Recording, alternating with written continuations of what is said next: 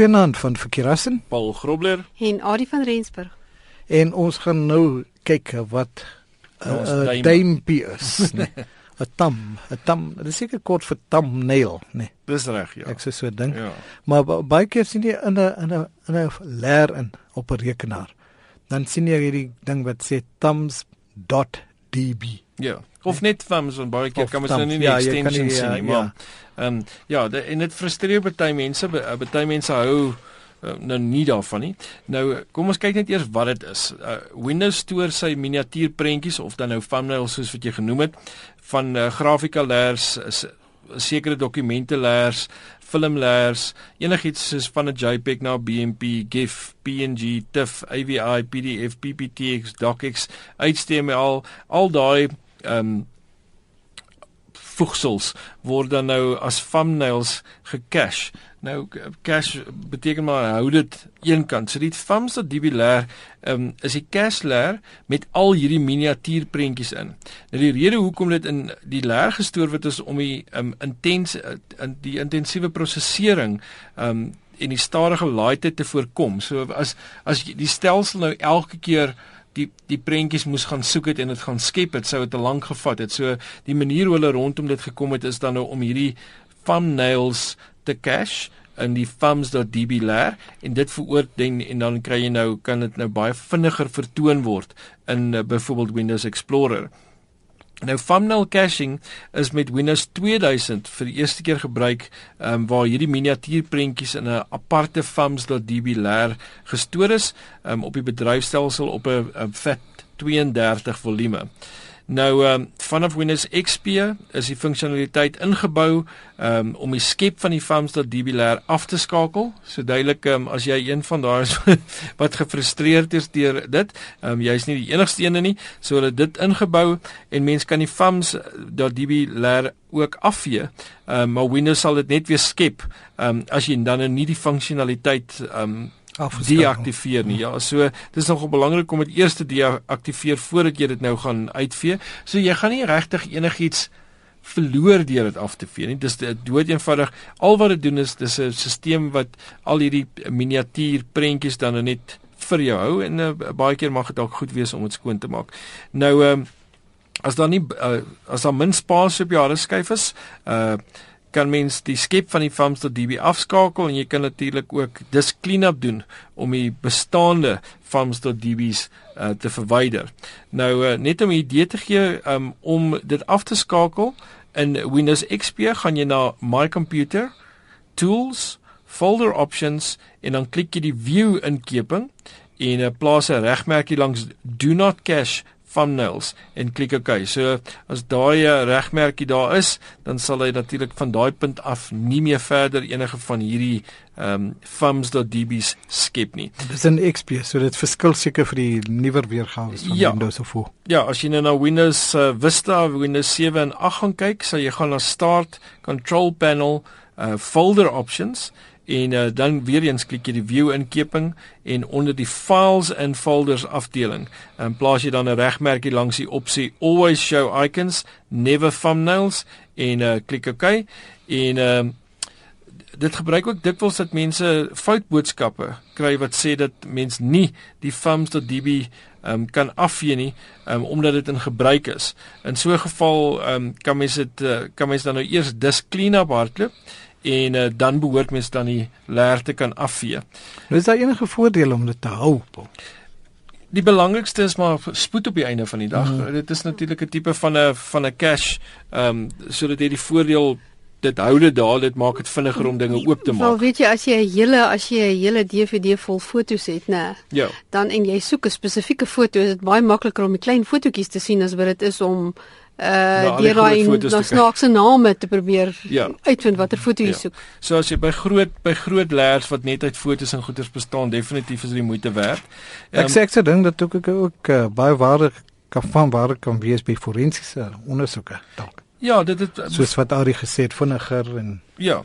Ehm um, en by forensiese ondersoeke kan hulle dit gebruik om te kyk of mense uh, moontlik fotos op jou rekenaar gehad het wat nie gewenslik was nie. Mhm. Ehm mm um, en uh, wat op 'n beskuldigde harde skyf is. So dit het uh, definitief uh, sy eie voordele daar, ja. Goed, en jy kan baie meer gaan lees oor thumbs. Ja, as jy lief is om die om die thumbnail view in Explorer te gebruik, ehm um, gaan lees dan ook gerugs by en.wikipedia.org skynstreep wiki skynstreep Windows thumbnail cache. Ehm um, dan is daar ook by WikiHow ehm um, 'n webwerf of 'n artikel wat sê clear the thumbnail cache in Windows en ehm um, PC uh, pchel.com skynstreep support skynstreep thumbsdb.html Dis net vir al die ouens wat dink dit is hel om daai thumbnails op die rekenaar te hê.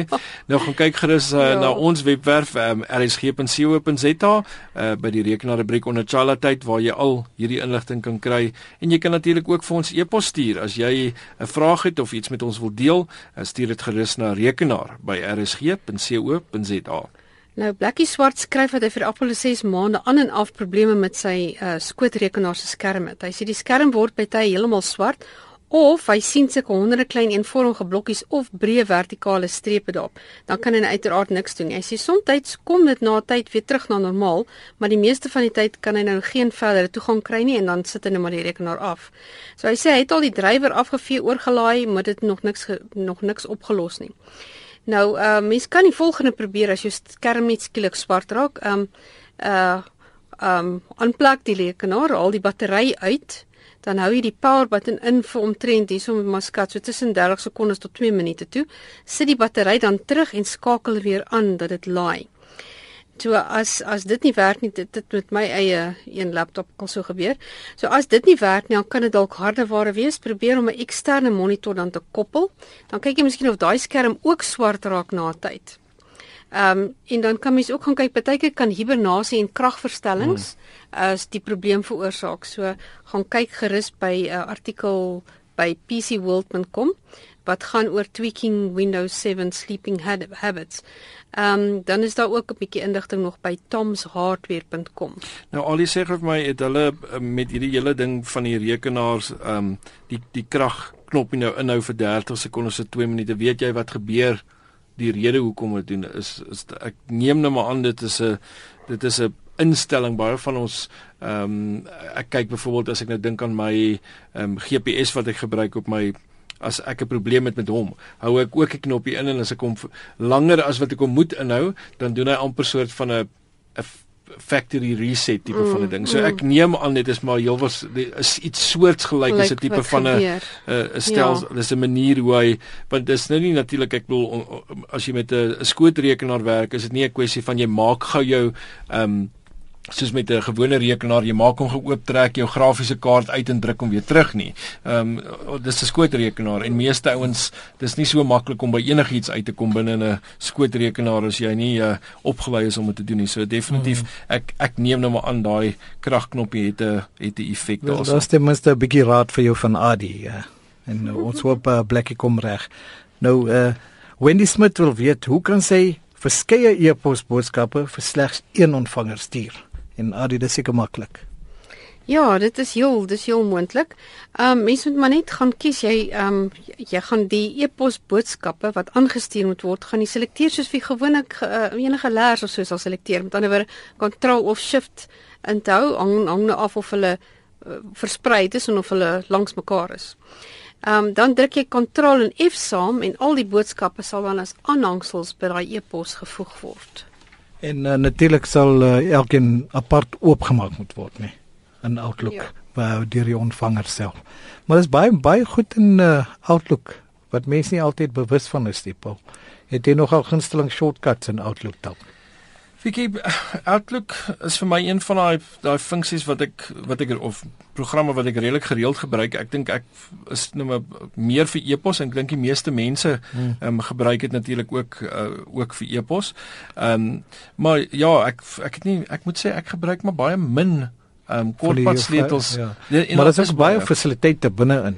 Ja, nee, verseker die ouens ja, wat uh, nie almal nodig het. Nee, nee, verseker. Mm. Ek wil hy's baie groter as mense as, as wat mense besef. Mm. Nou ja, hierso uh, dan nou ook nog net tyd uh, vir 'n vraag is ons wil weet wat is fog computing. Nou hierdie is nou nie as jy dit in Afrikaans vinnig uitspreek as jy nou baie kwaad is vir die rekenaar nie. Dit is nou dit is 'n Engelse beskrywing. Wat is fog F O G fog computing en uh, ons gaan 'n bietjie volgende week daaroor gesels. Tot dan van Verkeerassen. Paul Grobler En Adie van Rensburg. Goeienaand.